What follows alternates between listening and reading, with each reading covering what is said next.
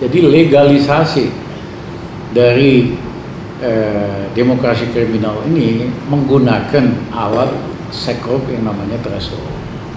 Nah, oleh karena alasan itulah kita ingin ini dihapuskan agar supaya demokrasi Indonesia bisa berubah Iya. jadi demokrasi yang amanah.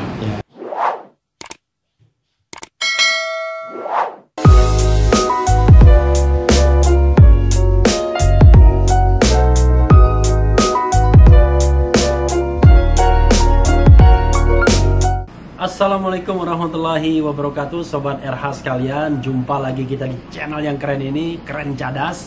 Nah saya ini ada di depan rumah Seorang yang sangat berpengaruh ya Suaranya keras.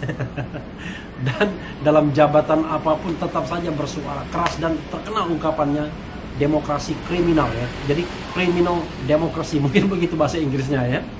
Nah siapa dia? Dia adalah Bang Rizal Ramli. Kita ikutin perbincangan saya. Jadi kenapa bang, abang ngotot banget nih untuk menghapuskan presidensial threshold? Sebetulnya sederhana. Karena dulu saya waktu muda mahasiswa, kita berjuang supaya Indonesia lebih demokratis. Oke. Saya nulis buku perjuangan mahasiswa tahun 78 Oke. dilarang oleh pemerintahan Soeharto diterjemahkan oleh Profesor Ben Anderson ke dalam bahasa Inggris dari Cornell. Nah terjemahannya lebih bagus Refli dari aslinya Ya. karena ditambahin footnote, Oh, tambahin ditambahin penjelasan. footnote. Akhirnya diterjemahkan ke dalam delapan bahasa. Judulnya? Eh, buku putih perjuangan mahasiswa. Oke. Itu NKKDKK dulu jadi ya? sebelumnya. Eh tujuh. Oh tidak. Tujuh- Abang kan tujuh tujuh empat ya? Tujuh tujuh tujuh delapan. Tujuh tujuh tujuh delapan kan NKKDKK. Bukan, itu delapan puluhan. Oh delapan puluhan itu. Oke. Nah, pada dasarnya kita ingin Indonesia yang good governance dan demokratis. Oke.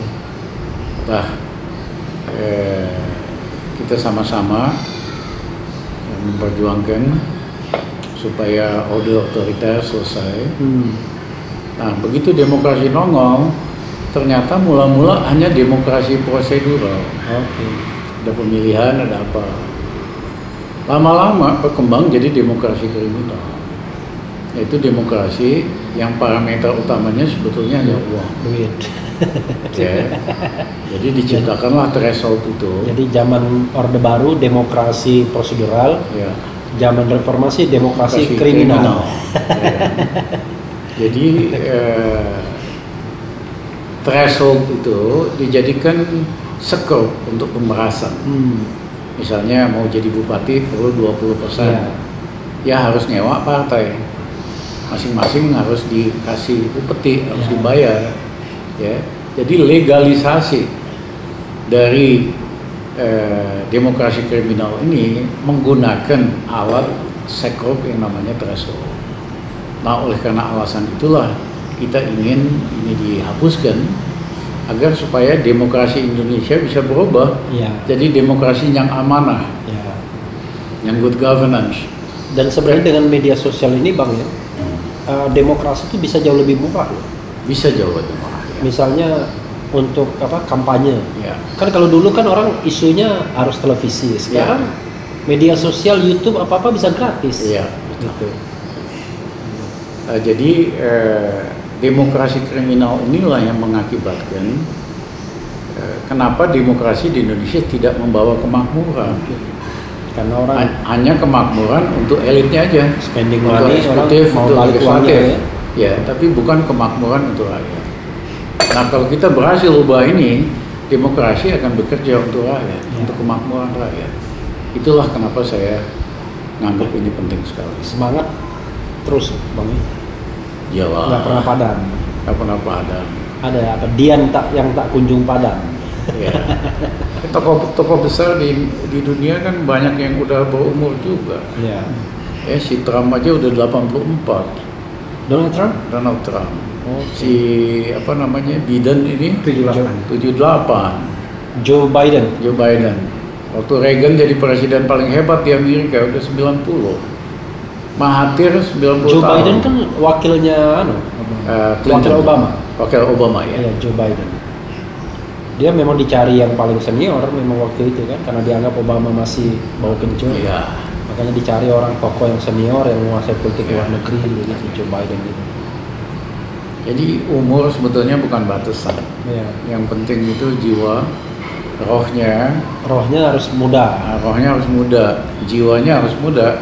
Karena itu kayak kayak perempuan aja itu ada Iya. yang apa ya, istilahnya gender Apa itu? Ja- dia perempuan tapi dia tidak gender perspektif perspektif gendernya nggak ada perempuan ada Kalau itu mungkin ada benarnya. Pemimpin perempuan yang hebat-hebat eh, relatif lebih laki hmm. seperti Thatcher, ya Margaret seperti Thatcher. di Jerman hari ini Merkel. Markle, Merkel, ya ya. kan, lebih dominan sifat eh, ininya. Iya, lebih laki-laki daripada laki. Laki-laki, ya. yang anu Markel apa siapa itu yang ada Presiden Jokowi kemudian ada Markel ada Presiden siapa gitu. Yang ke- ngomong sama Jokowi Jokowi ngomong balas lalu tiba-tiba Jokowi dicuekin sama dia cuekin Jokowi dia ngomong sama Markel Ya. Jadi presiden dari eh, negara-negara non-blok. ya Sehingga tahun berapa dia ke Rusia ketemu tahun 60 berapa ya kalau Ya, bisa tuh? 63 atau 62 gitu Ya, Iya. ketemu Khrushchev. Khrushchev, ya Khrushchev anggap dia mesti rangkul Soekarno. ya Akhirnya diberikanlah angkatan laut dan angkatan udara paling tangguh di Asia waktu itu. oke Bayar dengan kredit bunga murah. oke Nah, habis itu Bung Karno ke Washington ketemu dengan Kennedy. Kennedy ya tahun 60 Nah, dua-duanya chemistry-nya cocok karena dua-duanya womanizer. iya Bercandanya pas gitu. dan anu konon katanya Bung Karno itu dia undang eh, istrinya Kennedy itu ke Indonesia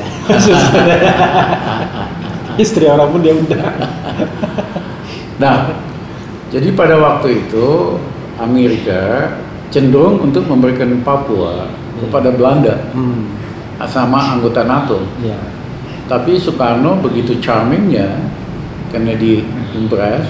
Yang kedua dia juga ada leverage-nya. Iya. Saya bilang kalau sampai Papua nggak dikasih kita, bakal perang di Papua. Kita punya angkatan laut, angkatan udara paling kuat di Asia. masih Akhirnya Bung eh, Kennedy back off, dikasihlah Papua sama Indonesia. oke Jadi ini menunjukkan Indonesia pernah punya pemimpin yang kelasnya kelas dunia, Disegani. dan dia eh, main ke negara-negara besar buat kepentingan nasionalnya. Nah, jauh sekali dengan apa yang terjadi hari Iya. ini. Waktu zaman Pak Harto, eh, Pak Harto memang tidak terlalu aktif, Aktif. di ASEAN, Tapi tapi tahu- seluruh negara ASEAN tahu kalau Ya. Indonesia nggak setuju, ya tidak mungkin terjadi. Nah dengan diem aja Soeharto powerful di ASEAN. ya Hari ini kita betul-betul di titik nadir paling bawah ya dalam segi eh, geopolitik, dalam segi eh, apa aja kita nggak dihormati orang nggak dihormati Gitu. sama pemimpin-pemimpin di dunia. Dari sisi apa sumber daya manusia nggak dihormati dari sisi Yes. kekuatan apa pun nggak dihormati Nah kenapa bisa begitu? Refli, Refli lebih tahu lah.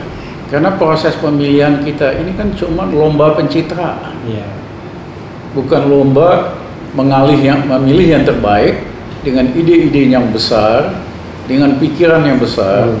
dengan kualitas leadership yang unggulan. Modalnya kan cuma pencitraan doang, ya ya di media, di sosial media didukung oleh buzzer. Ya. Tiba-tiba seseorang udah jadi pemimpin. Bobotnya nggak ada, track recordnya nggak ada, kualitasnya bukan kelas dunia gitu. dan dan dan, dan yang lebih penting itu karena presidensial threshold berlaku Yes. sehingga calon bisa di di marking hanya dua saja Yes. kalau sudah head to head kan peluang matematikanya 50% Iya, benar. orang Ya. yang paling tidak populer pun kalau dia 50% dan didukung oleh macam-macam state aparatus Ya. bisa menang Jadi itulah yang kita harus ubah oke supaya yang terbaik di Indonesia yang terpilih sebagai pemimpin.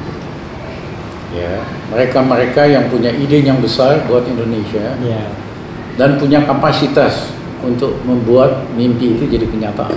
Dan ini juga kan semangat bagi generasi muda itu bang ya. Yes. Karena jangan sampai generasi muda mengatakan anda nggak perlu berkualitas banget untuk jadi kaya dan jadi pemimpin. Kan susah nantinya. Ya. Karena yang dipikirkan adalah yang penting anda masuk eh, gorong-gorong. kan berat jadinya. Padahal track record itu kan penting memang.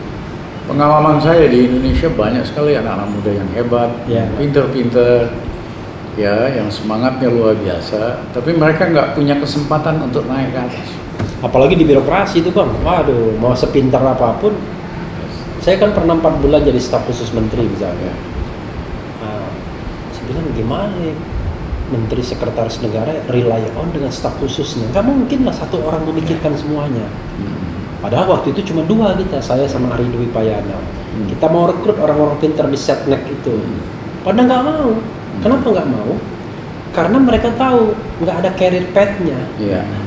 Dia rekrut sebagai stafnya saya misalnya, dia tahu ngapain, nggak ada career path-nya. Ya. Nah, yang seperti itu kadang-kadang mereka akhirnya yang mereka ikuti kan di mana air mengalir aja, Dia bisa sampai sampai ke hilir gitu ya. Dan kalau Daniel idealis, anu mundur akhirnya, Ya. gitu. Yang idealis pada mundur. Tapi memang presidensial threshold ini bang sudah diuji beberapa kali di MK dan MK itu selalu menolak bahkan tidak kurang Hamdan Zulfa dan Yusril sendiri yang mengajukan Hmm. padahal Hamdan Zulfa menjadi- pernah menjadi ketua Mahkamah Konstitusi Ya. sebelum menjadi ketua diajukan pada waktu itu MK itu kan selalu diisi oleh orang-orang partai politik Ya. atau orang-orang yang berafiliasi dengan partai politik Hmm. karena pasca amandemen konstitusi itu kan di situ kan ada beberapa orang yang memang jelas-jelas berafiliasi dengan partai politik. Ya.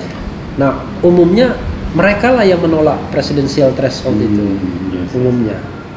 Nah, lalu kemudian ketika pemilu ini sudah serentak, Hmm. yang kebutuhan sebagian mereka, saya tidak bilang siapa, tapi sebagian mereka adalah terpilih kembali. Hmm. Karena terpilih kembali itulah akhirnya dalam tanda kutip ya sedikit menggadaikan juga. Ya. Padahal mereka bukan orang-orang politik Hmm. dan mereka juga bukan orang yang akan terjun di politik setelah pensiun. Mereka Hmm. orang-orang yang relatif sudah apa ya, sudah berusia tapi Hmm. pengen tetap di sana masalahnya. dan dan presidensial threshold ini kan sama seperti Perpu Ormas. Hmm. Dua hal itu kan mahkota bagi Ya. terpilihnya pemerintahan sekarang kan. Hmm. Perpu Ormas bisa membubarkan kelompok kelompok yang so-called sekarang disebut kadrun misalnya. Lalu presidensial threshold bisa memastikan pesaing itu cuma satu aja. Ya. Itu yang terjadi. Sistem threshold ini adalah cacat hukum, cacat niat, ya, Cacat moral. cacat moral dan cacat hukum. ya bayangin seorang calon gubernur, dia mesti dapat dukungan 20%. Eh, kalau gubernur 15% 15%, kursi, ya. 20% suara. Oke, Ya. artinya dia mesti datengin tiga partai yang punya 5% Lima, ya. masing-masing. Setiap partai minta upeti kalau gubernur barangkali 10-20 miliar masing-masing. Dapat 60 miliar, Ya. ya kan? Nah, eh, akhirnya waktu dia jadi gubernur dia sibuk ngembaliin uang yang Iya. dipinjemin sama cukong ini, Iya. iya kan? Kalau, Kebanyakan kalau pakai uang sendiri dia pengen untung, kalau Ya. uang cukong, dia mesti balikin. Iya. ya kan? Dikasihlah konsesi ini itu. Jadi inilah yang merusak demokrasi di Indonesia. Padahal saya pernah tanya berapa penghasilan bupati misalnya wali kota sebulan. Pokoknya saya, nggak mau tahu. Pokoknya bi- yang bisa di pay lah istilahnya. pay lah. 30 juta dia Ya. bilang. 30 juta dikali 12 itu 360 juta. Hmm. Katakanlah kita genapkan menjadi 500 juta. Hmm. Dikalikan 5 tahun itu baru dua setengah m. Ya. Itu kalau nggak dipakai. Ya. Sementara saya tanya biaya kampanye berapa? Belasan miliar. Gimana caranya? Jadi mau tidak mau, mau jadi bupati, gubernur, presiden, harus ada sponsornya, harus ada cukongnya. Hmm. Sehingga akhirnya cukong inilah yang menentukan arah kebijakan kita. Ya. Ya, dia bajak ini, kriminal demokrasi ini membajak ya maksud rakyat, kepentingan rakyat dan kesejahteraan rakyat. Nah sebenarnya yang begini bang harusnya memang anu di apa ya didorong agenda ini ke kelompok-kelompok yang lebih dominan untuk bicara ke umat ke Hmm. masa. Ya, Jadi kelompok misalnya katakanlah kelompok majelis ulama Ya. kan mereka kan bicara antara mudarat dan manfaat apa-apa. Ini kan jelas-jelas mudaratnya banyak tuh. Jadi tidak hanya RUU HIP, RUU HIP memang iya, tapi kan itu kan sesuatu yang apa sifatnya preventif. ya. Kalau ini kan sudah terjadi ber- bertahun-tahun dulu. Gitu. Ya memang kalau perjuangan hanya fokus pada hal-hal tentang agama, Ya. bagus sih tentu buat umat, tetapi tidak akan me- me- me- Fundamental ketatanegaraan, fundamental ketatanegaraan yang baik. gitu.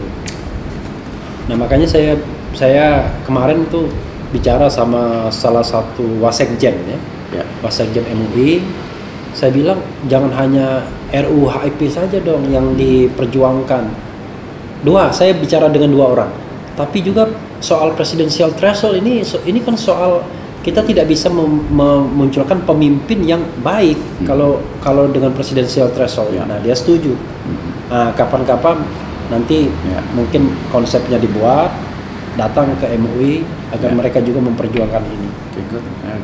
Syukur-syukur sama ini bang, sama sekalian sama penolakan RUU HIP juga Ya. presidensial threshold. Saya bikin YouTube tuh bang misalnya. Begitu saya bikin video tentang uh, tolak alasan menolak RUU HIP, wah itu yang nonton tuh kalau untuk politik 240-an ribu tuh udah lumayan tuh ya, Ya. 240 ribu itu. Tapi begitu saya bilang tolak presidensial threshold, cuman puluhan ribu aja nonton. Karena ini isu elit soalnya. Karena kan uh, katakanlah awam umat tuh nggak nggak nge bahayanya di mana apalagi yang yang kacaunya ya sobat era sekalian kacaunya kadang-kadang ini elit-elit politik kita Mhm. sering membohongi. Ya, bahwa wah ini nggak bisa dong nanti kalau presidensial threshold dihapuskan kita akan mendapatkan badut-badut di dalam kam- kampanye pilpres debat loh badut-badut gimana justru tanpa presidensial threshold kita nggak bisa melihat orang yang canggih orang yang jago konsepnya implementasinya di- diuji dia bisa menjawab ya. kemarin kan bukan debat tuh tanya jawab Tanya jawab. Dan yang kedua selalu dibilang kalau makin banyak calon makin banyak habis duit. iya Kan salah besar. iya Karena kan dua tahap. Iya Tahap pertama barangkali banyak 10, tahap kedua kan tinggal dua. Iya, dan dan itu pun saya nggak yakin 10. Kalau Iya. misalnya ini kalau kita berdasarkan ketentuan yang ada, memang belum tahu kita berapa jumlah peserta pemilu. Ya. Tapi katakanlah peserta pemilu itu yang sudah dipastikan 9 katakanlah. Biasanya mereka yang sudah lolos DPR ini nggak mungkin lah dicoret. Ya. Lalu kemudian mungkin ada partai-partai yang selalu pengen ikut PBB, PKPI, mungkin PSI Ya. yang masih ada. 12 saja bang. Ya. Partai berkarya saya nggak yakin apakah masih mau ikut lagi Garuda nggak yakin saya Hmm. satunya lagi Perindo saya nggak begitu yakin juga masih ikut Hmm. let's say 15 Mhm. dari 15 ini oke ada partai baru yang namanya Gelora itu aja kan partai Ya. baru kan nggak ada lagi 15 Hmm. dari 15 ini nggak yakin saya 15 15 nya mau Ya. Mencalonkan presiden kan dia tahu juga kekuatannya Ya. nah biasanya kalau misalnya thresholdnya ini hilang Hmm. sederhananya partai yang lemah pasti akan mencalonkan calon presiden yang kuat Yang kuat. Ya. pasti gitu Ya. artinya yang diinginkan masyarakat pasti Ya istilahnya dulu juga ada yang ngajak-ngajak saya kan. hmm. Ya, mereka tahu persis kalau kita dicalonin calon presiden 10% aja masih dapat. Hmm. Tapi mereka minta duit. satu setengah triliun Eh, tiga partai satu setengah triliun. Masing-masing 500 miliar. rumah ini dijual nggak nyampe Nggak nyampe. Kita korup nggak pernah. Kalau cuma makan-makan kita bisa, ya kan? Tapi kalau bayar partai Iya. setengah triliun satu perlu tiga ya nggak sanggup lah kita. waktu sama MUI itu saya bilang begini Hmm. mudaratnya ini saya bilang saya ngutip Bang Rizal nggak salah Hmm. eh bukan Bambang Susatyo Hmm. ini kalau presidensial threshold tetap dipertahankan, mudah menguasai politik Indonesia itu. Mhm. Tinggal keluarkan 9 triliun selesai. Semuanya kita dapat. Presiden kita dapat, wakil dapat, Kapolri dapat, jaksa agung dapat. ya. Tapi tidak usah 9 triliun. 6 triliun aja. Ya. Partai yang di istana kan, Iya. 6 kan. Yang tiga kan biarin aja karena kalau enggak nggak ada calon lain nanti. Iya. Nah, itu udah bisa dipastikan Yes. gitu. Kan murah banget untuk menguasai Republik Indonesia ini cuma dengan 6 triliun. kartu prakerja aja 5, berapa? Iya. 5,8 triliun. Yes. Bayangkan kartu prakerja aja. Gitu, murah banget gitu. Jadi ini momen historis. Rakyat kita udah bosen, udah sebel Hmm. dengan pragmatisme yang didominir oleh demokrasi kriminal ini. Oke. ya kan dan sebetulnya kita negara yang beragama malu demokrasinya kriminal Iya. harusnya kan negara yang percaya sama Tuhan yang beragama ya kan tidak mungkin men- mendukung sistem demokrasi yang sifatnya kriminal Tapi kadang-kadang bang ya, saya juga mempermasalahkan begini, mempermasalahkan penyelenggara pemilu. Ya walaupun teman-teman sendiri penyelenggara pemilu ini otaknya dua, memberikan pekerjaan kepada teman-temannya. yes Hmm. Yang kedua adalah proyek. yes Jadi apa-apa tuh dimahalkan semua. Misalnya kelakuan penyelenggara pemilu ini mohon maaf ya teman-teman ya kan kita untuk perbaikan. Hmm. Tiap saat pergi keluar kota, keluar negeri misalnya. Hmm. Padahal dengan era teknologi ini apalagi zooming begini ngapain dia pergi keluar negeri untuk atau keluar kota untuk anu ya untuk misalnya bilang sosialisasi dan lain sebagainya. Ini Zoom tiap hari aja bisa untuk sosialisasi. nah, yang penting adalah pemerintah menyediakan saringan ah, jalur internet, ya Ya. kan, jaringan internet yang memadai. Ya. Kan itu aja infrastruktur internet Yes. yang dibangun. Jadi sekali membangun infrastruktur, tapi sele- selebihnya mudah dan murah jadinya. ya saya cerita kemarin kebetulan ketemu Sandi Uno Iya. dia cerita waktu kampanye pilpres itu dia mengunjungi 170 titik di seluruh. Oke. Yang tercapai audiensnya hanya 370 ribu. Nah sementara selama sebulan kemarin dia hampir tiap hari zoom zooman, ya. Dan yang udah mendekati angka hampir 400 ribu dalam waktu sebulan. dan dan dia sudah bikin anu channel YouTube juga. Channel YouTube ya. Udah reach 400 ribu, Iya. sama aja saya keliling-keliling dulu tiga bulan ke 170 lokasi. Makanya, jadi demokrasi kita itu akan Lebih murah, ya? akan lebih murah. Iya. Jadi yang penting pemerintah infrastruktur internet ini diperbaiki, lalu kemudian presidensial threshold dihilangkan, Ya. kemudian ujian bagi calon pemimpin itu ya debat-debat dan uh, adu konsep itu. Ya. Ngapain anu apa uh, di jalan-jalan hura-hura? Toh orang pegang gadget semua sekarang. Yes. Tinggal lihat aja kampanye ngapain kampanye di jalan pasang spanduk kan tinggal Yes. ini aja kan. Gadget, Gitu. Jadi mudah-mudahan ini sih semua mendorong ke arah perubahan. Ya, mudah-mudahan. Karena ini historical. Ya. Sekali kita melanjutkan sistem demokrasi kriminal ini akan terus berlanjut dan Indonesia tidak ada harapan jadi negara yang besar, kuat dan makmur. Kadang-kadang saya kesel bang ya, ya sebagai generasi yang lebih muda lah ya, walaupun tidak muda-muda banget. Gitu. Orang itu semua orang kan mau mati ibaratnya, ya kan? Apa nggak mikir gitu loh, bahwa kita harus meninggalkan legacy yang baik, ya kan? Saya kira pemimpin-pemimpin partai itu kan duitnya udah banyak gitu, ngerampok sana, ng- ngambil sini. kan begitu. Ya udahlah, sekarang udah kita nggak usah kutak-katik lagi harta mereka yang sudah banyak itu, tinggal kita minta mereka berbuat baik bagi negara ini ke depan. Salah satunya itu yang menghilangkan presidensial threshold. Dulu, kalau hanya niat baik, eh, eh, mungkin nggak kena. Hmm. Karena orang-orang ini greedy. oke, ya itu ya susah kan? kalau sudah Jadi nggak ada batasnya. Iya kan? tidak ada doa, tidak ada doa ya. yang bilang, waduh Tuhan kok banyak sekali uang yang saya dapatkan nggak ada ya. Iya. Kalau kurang baru ribut. nggak ada limitnya. Hmm. Oleh karena itu, mereka hanya memahami logika kalau publik semuanya menginginkan perubahan threshold Baru mereka. ikut. Ya, Kalau diharapkan mereka yang ngambil inisiatif, tidak mungkin. nggak ada harapan lah. Saya lihat misalnya ya, partai sendiri standingnya kan saya kritik tuh waktu zooming sama orang PAN sama PKS. Loh, jangan diturunkan. Dia kan pengen logika diturunkan agar mereka bisa masuk, Iya. ya kan? Kalau pakai logika diturunkan, itu kan standing constitutional standingnya lemah, Ya. harus dihapuskan. Tapi mereka itu berpikirnya 10% ada yang bilang, ada yang 15%. Ya. Loh, mereka itu sudah berpikir, wah saya akan berpasangan sama siapa. Jadi Ya. cara berpikirnya, otaknya untuk kepentingan mereka sendiri, bukan untuk pembangunan sistem politik yang lebih baik. Padahal kalau kita mendapatkan presiden yang baik kan kita semua untung. Gitu. Terutama kalau mereka pilih Rizal Ramli, karena nanti saya akan biayai semua partai politik itu. Seperti di Eropa, di Eropa Jadi- kan partai politik dibayar negara, seperti di Inggris, di Australia, New Zealand. Nggak Hitungan saya hanya perlu 6 triliun. Nggak perlu nyolong-nyolong ya. Nggak perlu nyolong-nyolong 6 triliun untuk membiayai partai politik. Ya hari ini memang mereka nyolong di DPR, di DPD, macam-macam. Total itu 75 eh, triliun. Triliun.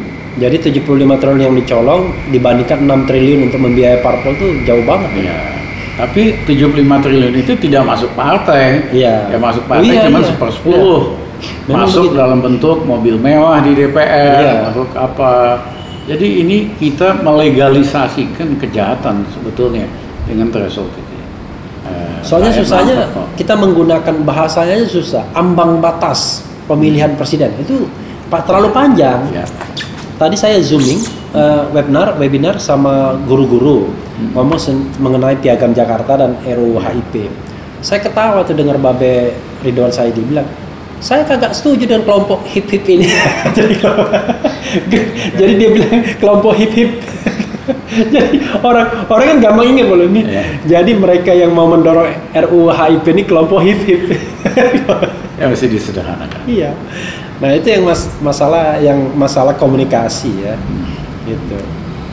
Tapi mudah-mudahan Hmm. ya kan kita Ya. bisa ubah ini karena ini momen historis Ya, di mana kita bisa balikkan Indonesia dari negara yang terpuruk, Ya. negara yang tidak dianggap eh, di dunia, negara yang rakyatnya susah karena kualitas pemimpinan yang rendah. ya, Dengan threshold yang baru, ya kita dapatkanlah yang terbaik pada semua level sehingga Indonesia berubah jadi lebih hebat. Jadi saya itu ada syarat bang, pemimpin ke depan itu satu, yang bernyali memberantas korupsi.